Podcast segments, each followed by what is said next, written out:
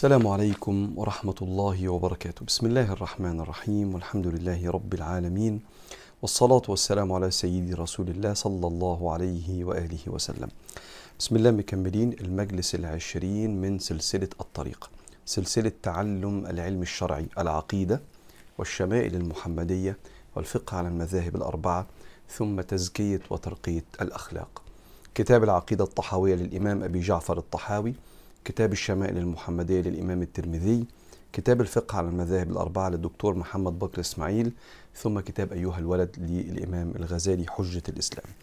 ونبدأ كل مرة زي ما مع بعض في كتاب العقيدة الطحاوية الإمام أحمد أبي جعفر الطحاوي المتوفى سنة 321 هجريا الإمام المصري صاحب الكتاب المقبول من أهل السنة عبر التاريخ كتاب العقيدة اللي بيتكلم فيه عن أركان الإيمان وبيتكلم فيه عن كثير من المعتقدات المهمة جدا اللي لما تبقى راسخة عندك تبدأ تفسر أحداث كتير وتفهم أشياء كتير من أفعال الله سبحانه وتعالى ويطمئن قلبك وحتى سلوكياتك نفسها اللي عقيدته سليمة بيخرج منه سلوكيات سليمة وفقا لسنة النبي صلى الله عليه وآله وسلم. وصلنا مع بعض لقول الإمام قال رحمه الله ونفعنا الله بعلومه وعلومكم في الدارين آمين. قال والإيمان هو الإيمان بالله وملائكته وكتبه ورسله واليوم الآخر والقدر خيره وشره وحلوه ومره من الله تعالى. ونحن مؤمنون بذلك كله ولا نفرق بين أحد من رسله ونصدقهم كلهم على ما جاءوا به. هو هنا الإمام بيحكي لنا حديث النبي عليه الصلاة والسلام حديث جبريل اللي لما النبي عليه الصلاة والسلام كان قاعد مع الصحابة فدخل واحد الصحابة ما تعرفوش. وفي نفس الوقت شكله كأنه كده مستحمي وشيك قوي وده شيء غريب قوي. لو أي حد دخل من باب المسجد يا إما نعرفه كلنا لأن المدينة كلها كانت تعرف بعض لأن المدينة مساحتها صغيرة جدا فكل الناس تعرف بعض.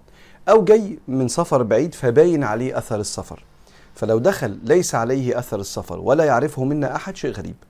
فقعد قدام النبي عليه الصلاة والسلام والصحابة بيبصوا ده مين ده؟ سأل النبي عن الإسلام فالنبي ذكر له أركان الإسلام الخمسة. ثم قال لهما الإيمان. فقال الإيمان أن تؤمن بالله وملائكته وكتبه ورسله واليوم الآخر والقدر خيره وشره.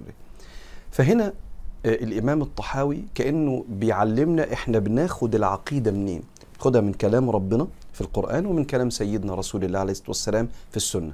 وإحنا عندنا أهل السنة بيقولوا العلماء بيقولوا أن القرآن والسنة وحي من الله سبحانه وتعالى لأن رسول الله عليه الصلاة والسلام لا ينطق عن الهوى إن هو إلا وحي يوحى. ويقول ربنا في حق السنة وأنزلنا إليك الذكر لتبين للناس ما نزل إليهم. ما نزل إليه من القرآن. وأنزلنا إليك الذكر اللي هي السنة حتى تشرح لهم القرآن. عشان كده العلماء يقولوا أن إنا نحن نزلنا الذكر وإنا له لحافظون. يقولوا أن الذكر هنا القرآن والسنة. فالإيمان هو الإيمان بوجود الله وبصفات الله. أنك أنت تؤمن بكمال الله سبحانه وتعالى. فلا تعتقد في الله أي نقص ولا تعتقد في الله أي ظلم. فهو الإيمان بالله تعالى وملائكته وهي المخلوقات النورانية اللي ربنا ذكرها في القرآن أنها لها أجنحة وأن لها وظائف. وتؤمن أن هناك كتب سماوية نزلت على الأنبياء. نعرف بعضها ولا نعرف بعضها. اللي نعرفه هو اللي ربنا قاله سبحانه وتعالى لأن الأنبياء عددهم يفوق المئة ألف كما ذكر النبي صلى الله عليه وسلم. لكن ربنا سبحانه وتعالى قال وآتينا داود زبورا وقال إن صحف إبراهيم وموسى ونعرف الإنجيل على سيدنا عيسى والتوراة على سيدنا موسى والقرآن طبعا على نبينا عليه الصلاة والسلام وعلى جميع الأنبياء. فإحنا مؤمنين بالكتب السماوية ورسله والإيمان بالرسل بعد بعد كده بسطرين بيقول إن إحنا لا نفرق بين أحد من رسله. إحنا مؤمنين إن ربنا سبحانه وتعالى علمنا إن رحلة الدنيا دي هي عبارة عن رحلة أنبياء من أول سيدنا آدم لغاية خاتم النبيين سيدنا محمد عليه الصلاة والسلام.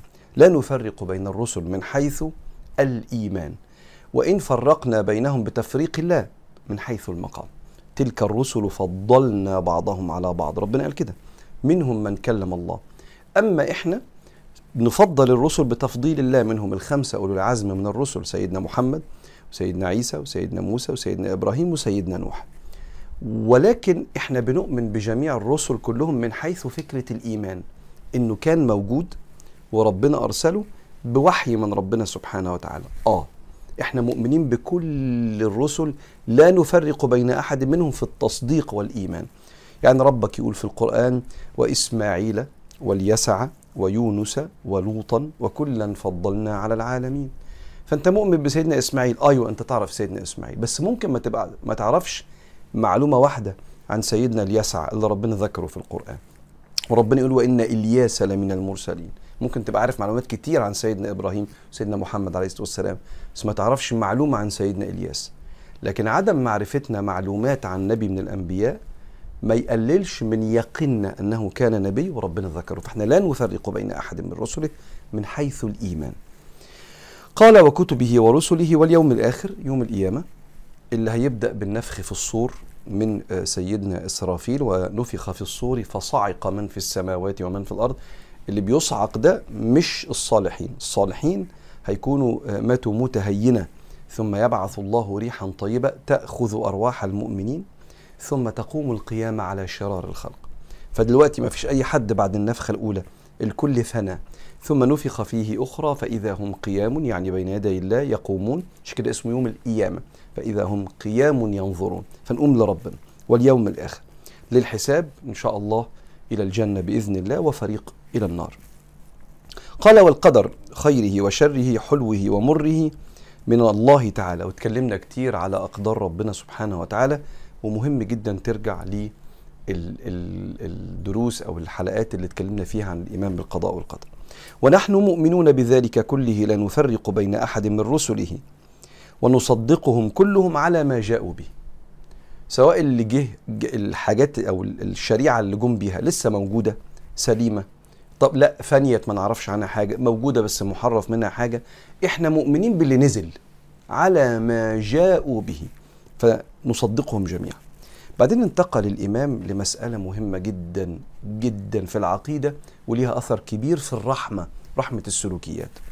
قال الإمام وأهل الكبائر من أمة محمد صلى الله عليه وآله وسلم في النار لا يخلدون إذا ماتوا وهم موحدون وإن لم يكونوا تائبين بعد أن لقوا الله سبحانه وتعالى عارفين وهم في مشيئته وحكمه إن شاء غفر لهم وعفى عنهم بفضله كما ذكر في كتابه ويغفر ما دون ذلك لمن يشاء. وإن شاء عذبهم في النار بعدله ثم يخرجهم منها برحمته وشفاعة الشافعين من أهل طاعته ثم يبعثهم إلى جنته.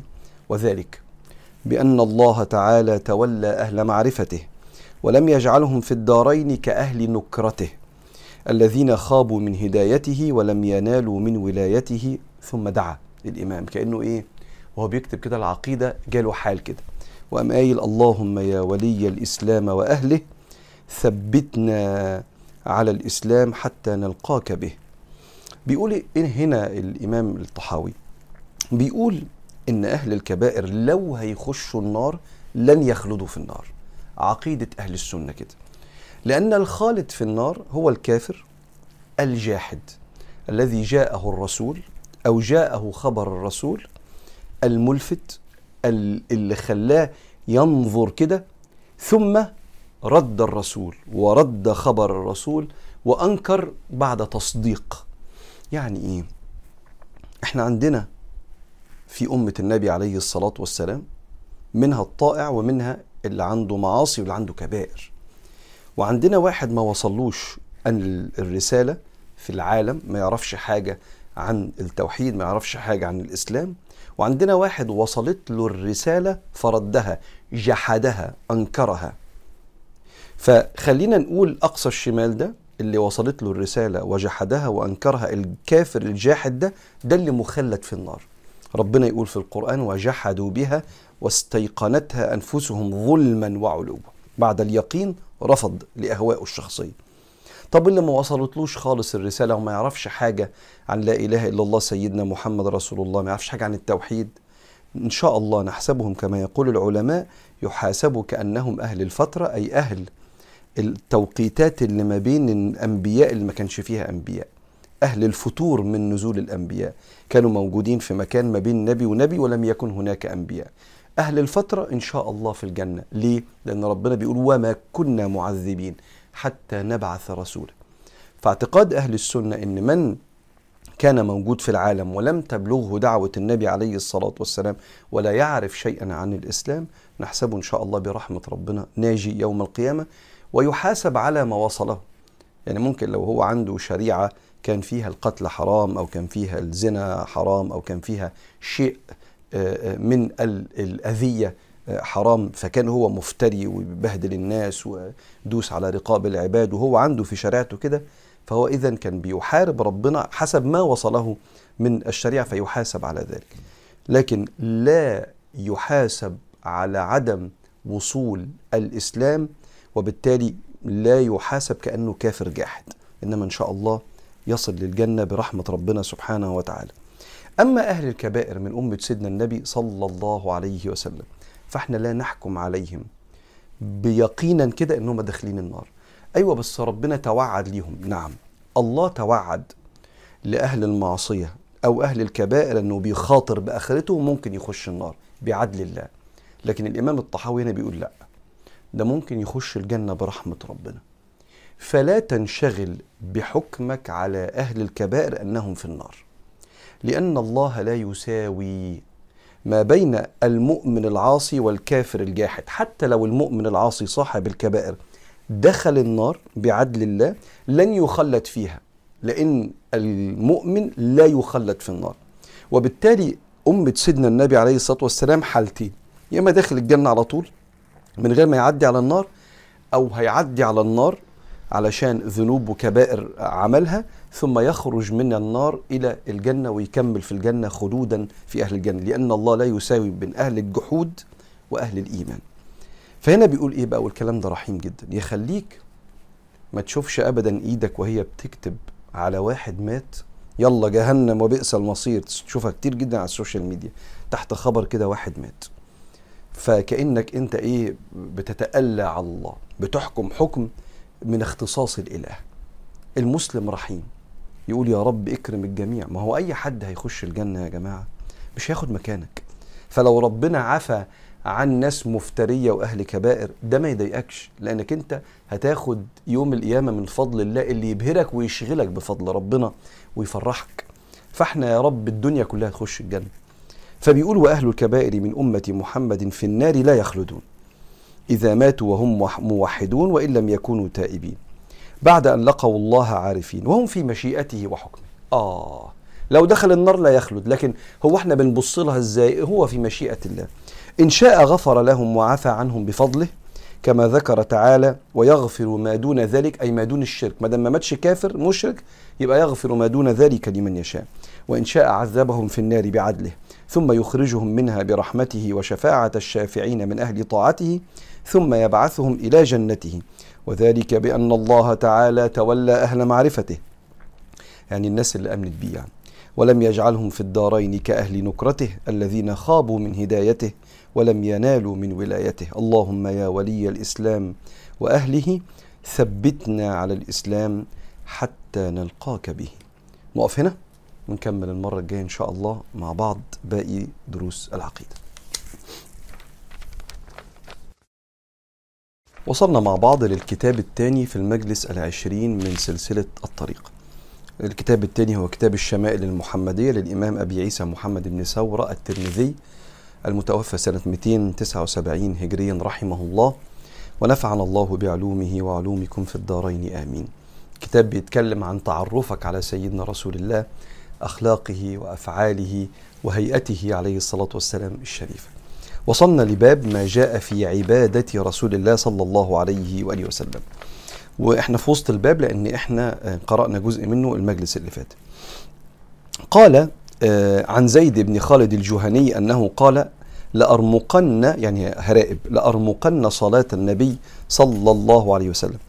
فتوسدت عتبته أو عتبته أو فسطاطه أو فسطاطه. فصلى رسول الله رسول الله صلى الله عليه وسلم ركعتين خفيفتين ثم صلى ركعتين طويلتين ثم صلى ركعتين وهما دون اللتين قبلهما ثم صلى ركعتين وهما دون اللتين قبلهما ثم صلى ركعتين وهما دون اللتين قبلهما ثم صلى ركعتين وهو وهما دون اللتين قبلهما ثم أوتر فذلك ثلاث عشرة ركعة. سيدنا زيد ابن خالد الجهني بص على النبي كده وقعد عند عند عتبة باب النبي عليه الصلاة والسلام فشاف النبي بيصلي 13 ركعة اتنين اتنين بدأ بركعة ركعتين خفاف وبعدين ركعتين طوال شوية وبعدين بدأت الركعات تقل بعد كده لغاية ما وصلوا بعد كده ل 13 ركعة. وكأنه هنا بيثبت أحد صور أو أحد أعداد صلاة النبي عليه الصلاة والسلام. زي ما حضراتكم سمعتوا المرة اللي فاتت أنه كان بيصلي صلى الله عليه وسلم ساعات 8 وثلاثة اتنين شفع وتر وواحدة وتر. وهنا يبدو إنه صلى الله عليه وسلم مش 11 يبدو إنه صلى هنا 13 ركعة صلى الله عليه وآله وسلم. الصورة دي وردت والصورة دي وردت. عن أبي سلمة بن عبد الرحمن أنه أخبره أنه سأل عائشة رضي الله تعالى عنها كيف كانت صلاة النبي صلى الله عليه وسلم في رمضان. فقالت ما كان رسول الله صلى الله عليه وسلم لا يزيد في رمضان ولا في غيره عن إحدى عشرة ركعة. يصلي أربعا لا تسأل عن حسنهن وطولهن ثم يصلي أربعا لا تسأل عن حسنهن وطولهن ثم يصلي ثلاثا.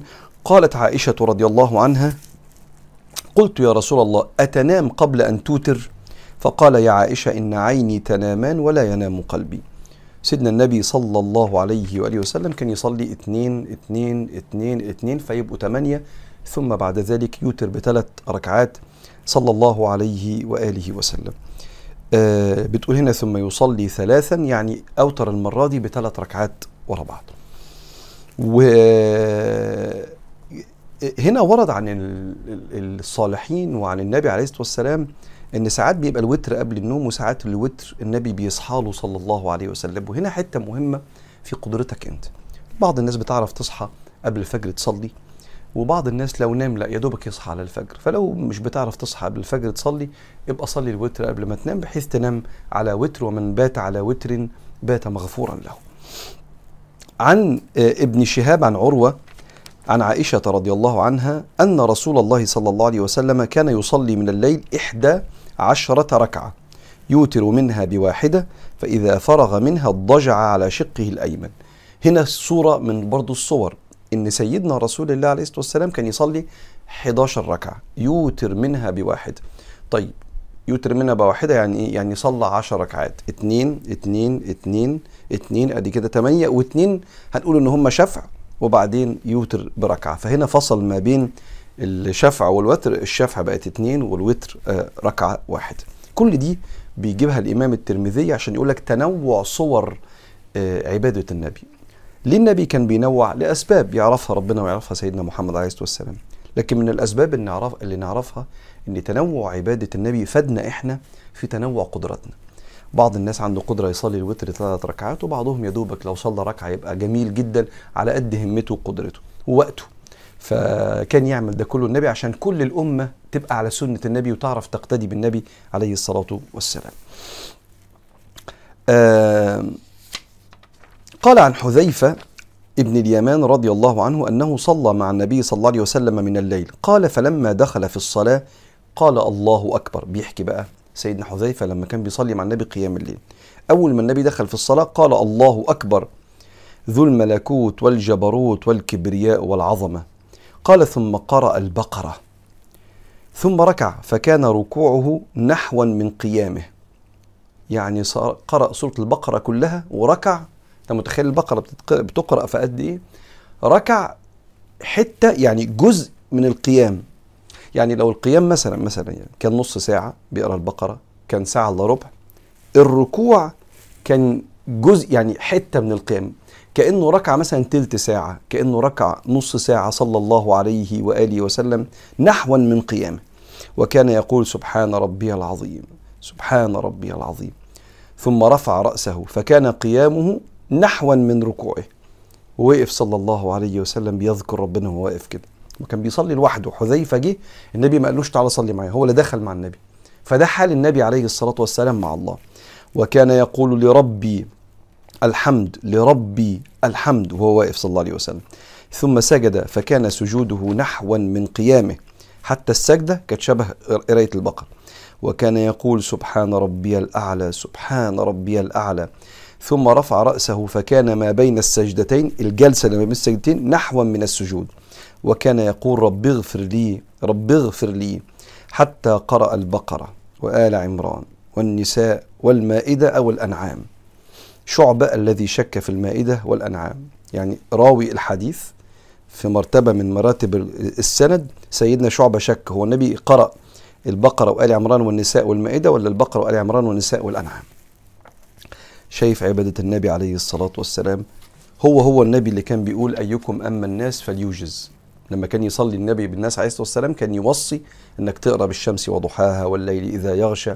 وكان الصحابة يقولوا ما صلينا خلف إمام قط أخف صلاة ولا أتم صلاة من رسول الله عليه الصلاة والسلام. لو كان لوحده أديك شفت الحال. وفي الحديث اللي بعده شوف يقول إيه؟ عن عائشة رضي الله عنها قالت قام النبي صلى الله عليه وسلم بآية من القرآن ليلة. آية كان سيدنا رسول الله بيقراها طول الليل في الصلاة بآية واحدة بس.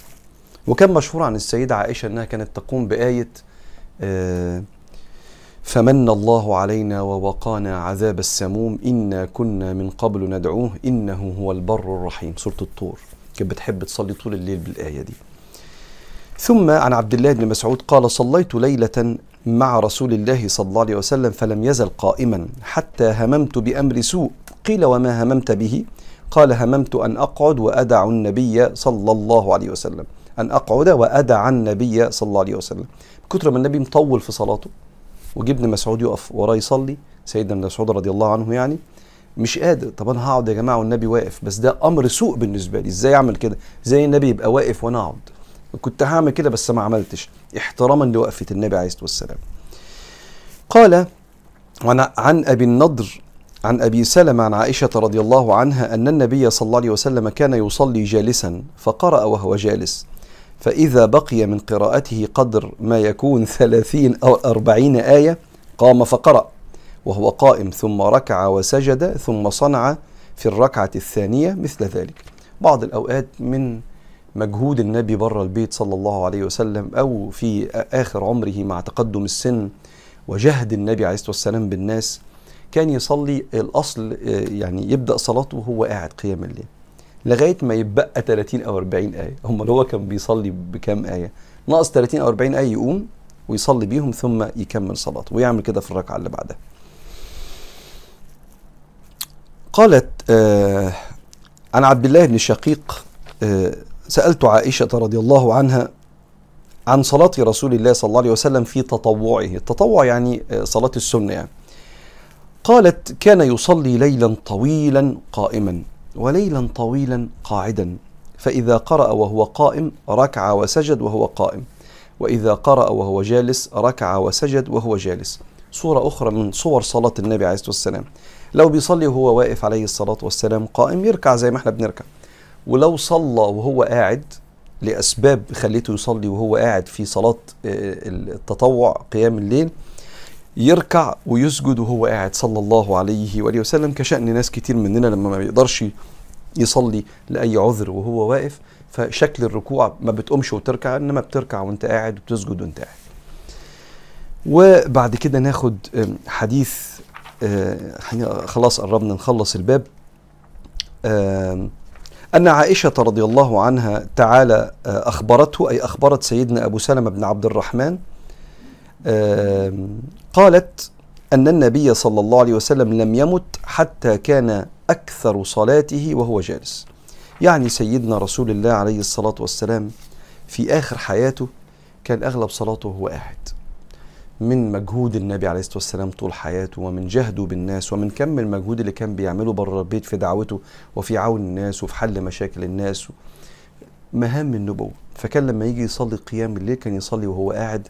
صلى الله عليه وسلم في آخر حياته. وقفنا هنا في المجلس العشرين ونكمل المرة الجاية على خير إن شاء الله.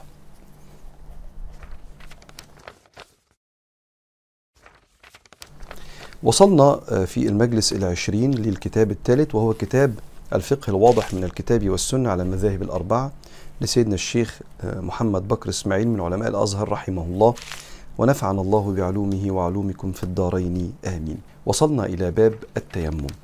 التيمم زي ما حضراتكم عارفين قبل ما نقرأ هو بديل عن الوضوء لو الإنسان افتقد المية. وهتسمع دلوقتي ولكن هو من رحمة ربنا سبحانه وتعالى وفيها إشارة كمان إن إحنا دايما لازم نصلي. إن حتى لو ما فيش مية نتوضى الصلاة ما تضيعش. فكأن هناك بديل لأهمية لقاء ربنا سبحانه وتعالى وتخفيفا عن الشخص اللي مش لاقي المية. تعالوا نقرأ مع بعض. حكمة أو حكمه ودليل مشروعيته. إيه حكم التيمم؟ التيمم طهارة ترابية يعني بنتطهر بالتراب. تسد مسد الطهارة المائية لمكان الوضوء بالماء أو الغسل حتى. ووضوءا كانت أو غسلا عند فقد الماء أو عدم القدرة على استعماله. ليه بيقول كده؟ لأن أنت في وقت من الأوقات ممكن يبقى عندك مية بس المية دي أنت محتاجها عشان تشرب وما عندكش بديل لو اتوضيت بيها ضاعت المية خلاص كلها. أو أسباب تانية هتيجي بعد شوية. في إن المية موجودة بس مش قادر أحصل عليها يعني أو عدم القدرة على استعماله لسبب من الأسباب التي سيأتي ذكرها. وهو عبارة عن ضربتين بالكفين على الصعيد الطاهر. وهشرح لك جاي دلوقتي على سطح ممكن يبقى فيه تراب. ضربة للوجه وبعدين ضربة إلى لليدين إلى المرفقين. إحنا عندنا قولين. قول إن التيمم لغاية الرسغين بس كده وقول وهو الأشهر لغاية المرفقين. فبضرب ضربة كده وبعمل على وشي كأني بغسل وشي وضربة وكأني بتيمم إلى المرفقين. طيب على ما سيأتي بيانه. بيقول لك هشرح لك بقى. ودليل مشروعيته مين قال إن في حاجة اسمها تيمم يعني؟ دليل المشروعية يعني إيه الدليل؟ إنه من شرع الله. قوله تعالى وإن كنتم مرضى أو على سفر. أو جاء أحد منكم من الغائط أو لامستم النساء فلم تجدوا ماء فتيمموا صعيدا طيبا فامسحوا بوجوهكم وأيديكم منه إن الله كان عفوا غفورا. يعني لو حد فيكم كان عايز يتوضأ أو يغتسل بعد العلاقة الزوجية وما لقيتوش مية يبقى تتيمموا من الصعيد أي من التراب. صعيدا طيبا فامسحوا بوجوهكم وأيديكم منه. وسبب مشروعيته ما في حديث عائشة رضي الله عنها. هو إيه القصة بقى؟ عرفنا منين قصة التيمم دي. قالت السيدة عائشة خرجنا مع النبي صلى الله عليه وسلم في بعض أسفاره. حتى إذا كنا بالبيداء انقطع عقدي. كنا في الصحراء وقبل ما نوصل المدينة بحط إيدي كده لقيت العقد بتاعي اتقطع. فأقام النبي صلى الله عليه وسلم على التماسه يعني وقفنا بالجيش والنبي كان بيدور صلى الله عليه وسلم أو بعت الصحابة يدوروا على العقد بتاع السيدة عائشة. وأقام الناس معه وليسوا على ماء وليس معهم ماء. فأتى الناس إلى أبي بكر فقالوا ألا ترى ما صنعت عائشة؟ إحنا الجيش كله متعطل عشان عائشة ضيعت العقد بتاعها. فجاء أبو بكر والنبي صلى الله عليه وسلم واضع رأسه على فخذي قد نام. النبي نايم كده عليه الصلاة والسلام على فخذ السيدة عائشة. فعاتبني. وقال ما شاء أن يقول أبوها بيعاتبها وأنت موقفانا كلنا عشان موضوع العقد ده. وجعل يطعن بيده في خاصرتي كأنه يعني بيقول لها ليه بتعملي كده؟ فكأنه يعني زي زي زقها كده زقة بسيطة. فما يمنعني من التحرك إلا مكان النبي صلى الله عليه وسلم على فخذي. كانتش بتتحرك وهو بيعاتبها عشان النبي نايم عليه الصلاة والسلام. فقام حتى أصبح على غير ماء. فأنزل الله آية التيمم. فقال أسيد بن حضير أحد الصحابة ما هي أول بركتكم يا آل أبي بكر؟ يعني بسبب إن إحنا قعدنا في الصحراء وما عندناش مية نزلت آية التيمم فبيقول لها يا بركتك يا عائشة علينا أنت السبب في الخير ده كله. لأن ده طبعا العرب زمان الميه عندهم كانت قليلة وكان ممكن يتحط في مواقف كتيرة مش زي عندنا كده الحنفية بتفتحها تنزل مية. ده يا دوبك بيبقى شايل مية على قد ما يقدر يشيله ممكن السفر يطول بيه وما يلاقيش بير مثلا. فبيقول ما هذه أول بركتكم يا آل أبي بكر؟ قالت فبعثنا البعير الذي كنت عليه فوجدنا العقدة العقدة تحته. فكان البعير أصلا قاعد هو اللي قاعد على العقد وإحنا عمالين ندور لحكمة الله سبحانه وتعالى في نزول آية التيمم. وقد شرع التيمم في السنة السادسة من الهجرة. أثناء رجوع النبي صلى الله عليه وسلم من غزوة بني المصطلق. على ما جزم به ابن عبد البر وغيره من المحدثين مثل ابن سعيد وابن حبان. يبقى التيمم نزل سنة ستة من بعد الهجرة. يعني بعد كم سنة من البعثة؟ النبي بعث عليه الصلاة والسلام عنده 40 سنة قعد 13 سنة في مكة. وبعدين ستة من بعد البعثة حطهم على ال 13 يعني بعد 19 سنة من دعوة النبي نزل موضوع التيمم ده. والتيمم من خصائص هذه الأمة يعني حاجة كده ربنا مديها للمسلمين أمة النبي عليه الصلاة والسلام ولم يكن مشروعا في الأمم السابقة. يعني مثلا كان في صلاة في الأمم السابقة كان في مريم اقنتي لربك واسجدي واركعي مع الراكعين ستنا مريم وعندنا صيام في الأيام كتب عليكم الصيام كما كتب على الذين من قبلكم. لكن هنا التيمم بس لأمة النبي عليه الصلاة والسلام. فعن حذيفة رضي الله عنه أن النبي صلى الله عليه وآله وسلم قال فضلنا على الناس أي على الأمم بثلاث جعلت صفوفنا كصفوف الملائكة. وجعلت لنا الأرض كلها مسجدا وجعلت تربتها لنا طهورا إذا لم نجد الماء أو طهورا إذا لم نجد الماء. وفي مشروعيته من اليسر والتخفيف والرحمة بهذه الأمة ما لا يخفى.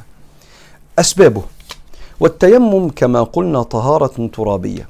تسد مسد الطهارة المائية. يبقى التراب هنا قام مقام الماء اللي انت بتتوضى بيه. وضوءا كانت أو غسلا. آه ده واحد ممكن يبقى على جنابة وما عندوش مية يتيمم يبقى كده كأنه يعني إيه يقدر يصلي. لسبب من الأسباب الآتية إما المرض آه ده هنا في مية. بس المية لو جت على جسمي ممكن مرض يزيد. المرض الذي لا يقدر معه المريض على استعمال الماء. آه يبقى هنا في مية موجودة. بس الإنسان لو اغتسل أو توضأ وجه المية على الجرح ممكن تعمل مشكلة كبيرة جدا. أو كان استعمال الماء يزيد في مرضه أو يؤخر شفاءه. وذلك بناء على التجربة أو قول طبيب عارف. والدين سمح لا يرضى للناس أن يلقوا بأيديهم إلى التهلكة. وعن جابر رضي الله عنه قال خرجنا في سفر فأصاب رجل منا حجر فشجه في رأسه. واحد اتعور في دماغه تعويرة جامدة جدا. ثم احتلم. لما نام قام محتلما. فسأل أصحابه هل تجدون لي رخصة في التيمم؟ هو يا جماعة الواحد لو صحي محتلم مش لازم يغتسل. آه بس أنا متعور تعويرة جامدة في رأسي. ينفع أتيمم؟ فقالوا ما نجد لك رخصة. إحنا ما نعرفش صراحة المفروض تغتسل بصراحة. وأنت تقدر على الماء. ما دام في مية اغتسل. فاغتسل فمات. فلما قدمنا على رسول الله صلى الله عليه وسلم أخبر بذلك فقال قتلوه قتلهم الله. ألا سألوا إذ لم يعلموا؟ ليه بتجاوب في الدين في مسألة زي دي من غير ما تسأل عالم؟ فإنما شفاء العي أي الجاهل فإنما شفاء العي السؤال أو العي يعني الجهل يعني. فإما شفاء العي فإنما شفاء العي السؤال. إنما كان يكفيه أن يتيمم ويعصر أو يعصب يعني يحط على دماغه العصابة دي ويتيمم ويعصب على جرحه خرقة ثم يمسح عليه ويغسل سائر جسده. فقد الماء في السفر. آه السبب الثاني بقى فقد الماء في السفر أو في الحضر. المسألة اللي فاتت دي سيدنا النبي عليه الصلاة والسلام بيتكلم على إن هو لو عايز صحي محتلم وعنده حتة معينة الحتة دي لو جه عليها المية ممكن يفقد حياته بيجي عند ممكن يغسل سائر جسده بالمية ويجي عند الحتة دي يتيمم ليها. يعني الإنسان هنا في مية بس ما ينفعش تيجي على الجرح. بيعمل إيه؟ بيغسل سائر جسده عشان في مية. بيغسل سائر جسده ويجي عند الحتة اللي ما يقدرش إنه يلمسها بالمية يتيمم ليها ضربة ووشه وضربة وإيديه كأنه تيمم عن الجزء اللي ما وصلوش المية. والله أعلم. فقد الماء في السفر عكس لو ما فيش مية خالص.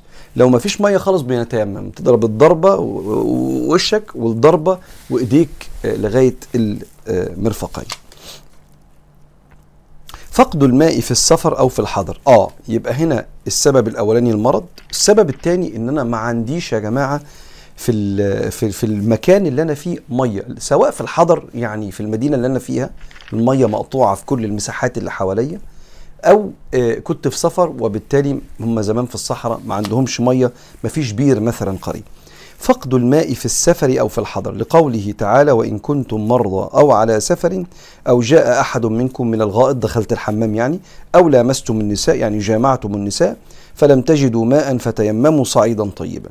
فإن ظن وجود الماء قبل خروج الوقت انتظر وإن خاف خروج الوقت تيمم. يعني النهارده أنا بقول إيه؟ طب أنا ما عنديش مية. آه بس المية مقطوعة. آه ما هي ممكن تيجي بعد شوية. طب أنا هأخر صلاة الظهر لغاية قبل العصر بشوية كده عشان ممكن المية تيجي. فبيقول له فإن ظن وجود الماء قبل خروج الوقت أو أنا عارف إن في بير على مسافة مثلا كيلو مشي ولسه الظهر لسه مقدم فهمشي الكيلو ده عشان البير هعرف أوصل له.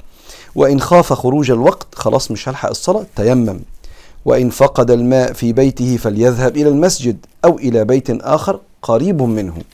ولا يجعل مجرد فقد الماء في بيته مبررا لتيممه. إذا كان الماء السبب الثالث شديد البرودة ولم يقدر على تسخينه بحيث لو توضأ لضره جاز له أن يتيمم. ما بقاش الموضوع ده موجود في بيوتنا خلاص. بقت أغلب بيوتنا دلوقتي فيها مية محتملة. مية محتملة سواء إن إحنا عندنا الحنفية السخنة أو حتى المية الساقعة اللي بتنزل في حالتك الطبيعية لو مش مريض يعني ممكن الإنسان يستحملها.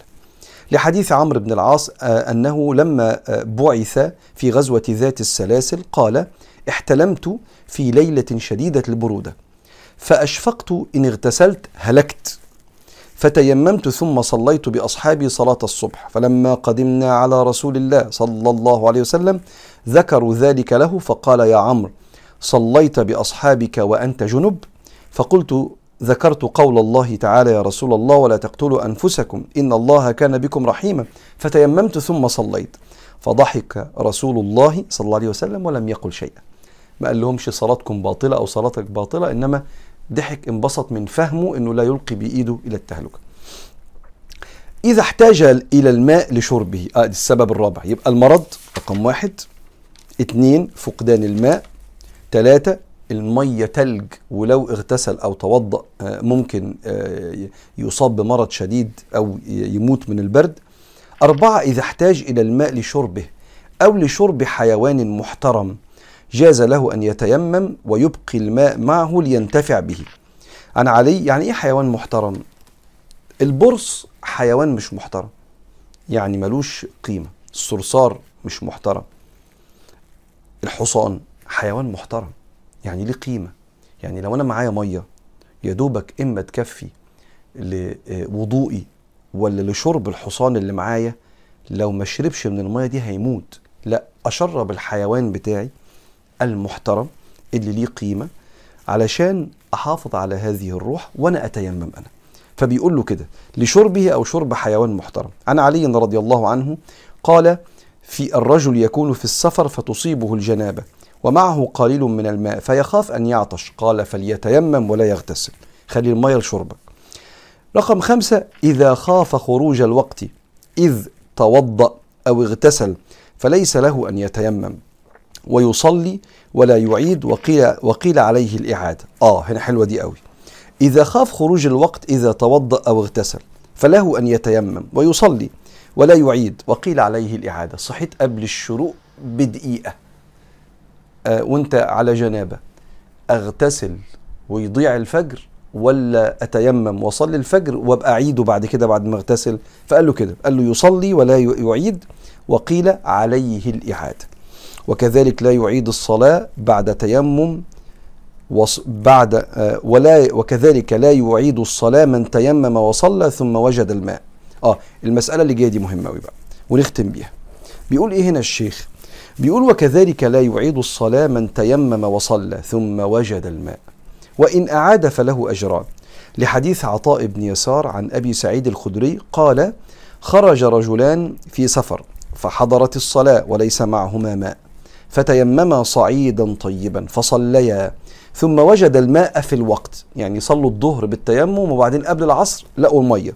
فأعاد أحدهما الوضوء والصلاة ولم يعد الآخر. ثم أتى يا رسول الله صلى الله عليه وسلم فذكر ذلك له فقال للذي لم يعد أصبت السنة اللي ما عادش. صلى بالتيمم وبعدين لقى المية قبل ما الأذان يأذن التاني لا ما تعدش أصبت السنة وأجزأتك صلاتك. وقال للذي توضأ وأعاد لك الأجر مرتين. آه. أدن أدن على اتنين صلاة الظهر مثلا ما لقوش مية تيمموا. وبعدين العصر الساعة 3 مثلا يعني. فجم على الساعة اتنين كده لقوا مية. المية جت في الحنفية ولا لقوا بير ولا أيا كان وصلوا لبيوتهم. فواحد منهم قال طب لا أنا إحنا صلينا بتيمم. ولسه الوقت يبقى أنا هتوضى وأصلي تاني. واحد تاني يقول لا ما إحنا خلاص. وقت ما تيممنا ده كان المتاح عندنا فصلينا بالتيمم. حتى لو لقينا مية ولسه الوقت ال- بتاع العصر ما جاش لسه وقت الظهر أنا مش هصلي تاني. فاللي ما صلاش تاني النبي قال له أصبت السنة واللي صلى تاني النبي قال له لك أجران. نقف هنا عشان ما نطولش أكتر من كده في مجلسنا المرة دي ونبدأ المرة الجاية في أركان التيمم وبعض المعلومات المهمة جدا عن التيمم.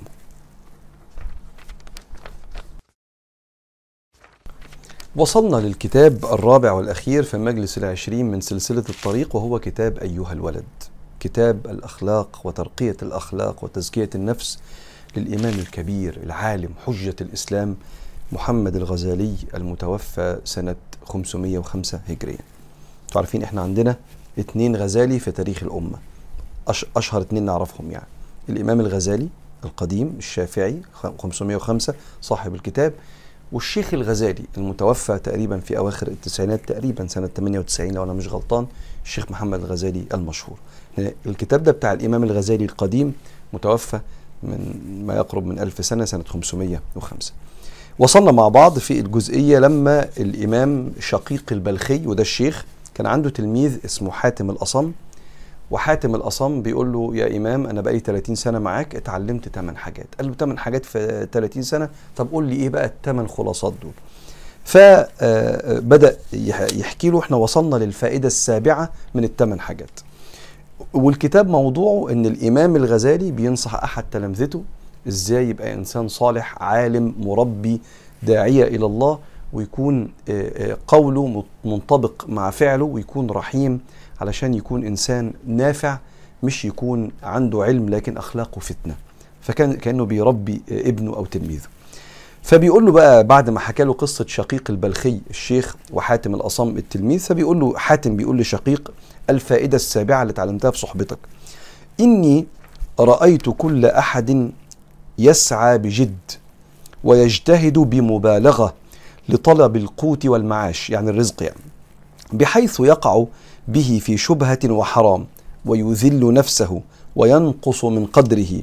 فتأملت قوله تعالى أو فتأملت في قوله تعالى وما من دابة إلا وما من دابة في الأرض إلا على الله رزقها. فعلمت أن رزقي على الله تعالى وقد ضمنه فاشتغلت بعبادته وقطعت طمعي عمن سواه. بيقول أنا شفت الناس بتجتهد جدا في طلب المعاش بطريقة غلط. طريقة إما يقع في شبهة أو حرام أو يذل نفسه ويقلل من قدره. افتكرت قول رب العالمين وما من دابة في الأرض إلا على الله رزقها. الدابة كل شيء عنده رجل بتدب على الأرض. من أول النملة لغاية الديناصور. وبالتالي البني آدم أيضا هو من جملة من يدب برجله على الأرض. وما من دابة في الأرض إلا على الله رزقها. بيقول فلما عرفت كده علمت أن رزقي على الله وقد ضمنه فاشتغلت بعبادته. وهنا لو الشيخ ما شرحلكش تفتكروا ساب الشغل وقعد يصلي؟ لا. اشتغلت بعبادته يعني اشتغلت في الشغل بالطريقة اللي فيها عبادة ربنا.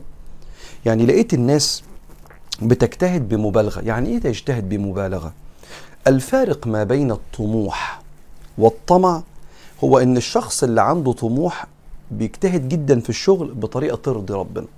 الشخص اللي عنده طمع بيجتهد في الشغل بطريقة ما ترضيش ربنا. وده اللي يفرق لك ما بين الطموح والطمع. يعني اشتغل 8 ساعات ولا اشتغل 10 ولا 12 ولا 16 القضية مش في عدد الساعات. القضية رقم واحد إن الشغل يبقى من حلال. لأنك لو بتشتغل ربع ساعة من حرام فده طمع.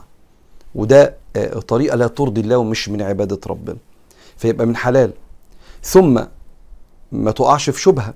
يعني تبقى وانت بتشتغل عارف ان مالك حلال ومطمن لده ثم ما تبقاش بتكذب وبتغش وبتلاوع وبتماطل فيبقى القرش حلال لكن طريقة مكسبه حرام بجيبه بالغش والكذب. ثم ما تذلش نفسك بطريقة انت مش محتاج تذل نفسك بالطريقة دي. مش محتاج تهين نفسك بالطريقة دي. وكلمة تذل نفسك يعني تعرض نفسك لمذلة حقيقية. مش تذل نفسك إنك أنت تبقى صابر على مدير حازم شوية أو مدير شديد شوية أو مدير مثلا ساعات بيبهدل الناس بس أنت ما عندكش فرصة تانية. فبعض الوقت بتحتاج تصبر على سلوكه وأخلاقه ده وما تبقاش مندفع عشان انت وراك كوم لحم. فتبقى بتتجنب إنك أنت تتخانق معاه بتتجنب إنك أنت تصطدم بيه بتتجنب إنك أنت تتعرض ليه. بس بتقوم بشغلك الحلال عشان ما تعرضش نفسك لمذلة النفس. لكن لو واحد بينافق وبيكذب وبيجامل مجاملات آه، بنسميها مسخة فيها طريقة كده مش حلوة أو بيشتغل عصفورة عند المدير وبيفتن على زمايله. الطريقة دي طريقة مش حلوة وفيها قلة ثقة في آه، ربنا سبحانه وتعالى وقلة ثقة في رزق الرزاق وضمان وكفالة ربنا لرزقنا وبيخش البني آدم يحط دماغه على المخدة بالليل وهو محتقر نفسه لأنه خان قيمه. فهو هنا بيقول له أنا هجتهد بالطريقة اللي فيها عبادة لربنا فاسمعها تاني بقى. بيقول له إني رأيت كل أحد يسعى بجد ويجتهد بمبالغة لطلب القوت والمعاش. لغاية هنا مفيش مشكلة. بحيث يقع في شبهة وحرام. هنا جت المشكلة بقى الطمع هنا. ويذل نفسه وينتقص من قدره أو ينقص من قدره. فتأملت في قوله تعالى وما من دابة في الأرض إلا على الله رزقها. فأنت اشتغل. واجتهد وعدد الساعات اللي يخليك تعرف تجيب رزقك وتتوسع كمان بس خد بالك من حلال من غير ما تذل نفسك ومن غير ما تيجي على فرائض حياتك. ما يبقاش شغل والعيال مش لاقي حد يربيها. ما يبقاش شغل وبيتك مش لاقيك. ما يبقاش شغل وابوك وأمك ما شافوكش بقالهم شهر. وكأن الإنسان بيشتغل فعلا هو ورك هوليك زي ما بيقولوا مدمن للشغل. بس قادر إن هو يبالانس قادر إن هو يبقى عنده اتزان في حياته ما بين واجباته الأخرى. ساعتها ما يبقاش أصلا ورك ساعتها يبقى عنده اجتهاد لكنه متزن في حياته. قال فعلمت أن رزقي على الله تعالى وقد ضمنه فاشتغلت بعبادته وقطعت طمعي عمن سواه. اشتغلت بعبادته يعني اشتغلت في الشغل وصليت واجتهدت في شغلي من غير ما أغضب ربنا سبحانه وتعالى. وفضل إن أنا ما أخدش فائدة تانية تعالوا نقف هنا. نكمل المرة الجاية في المجلس ال 21 إن شاء الله. شكرا.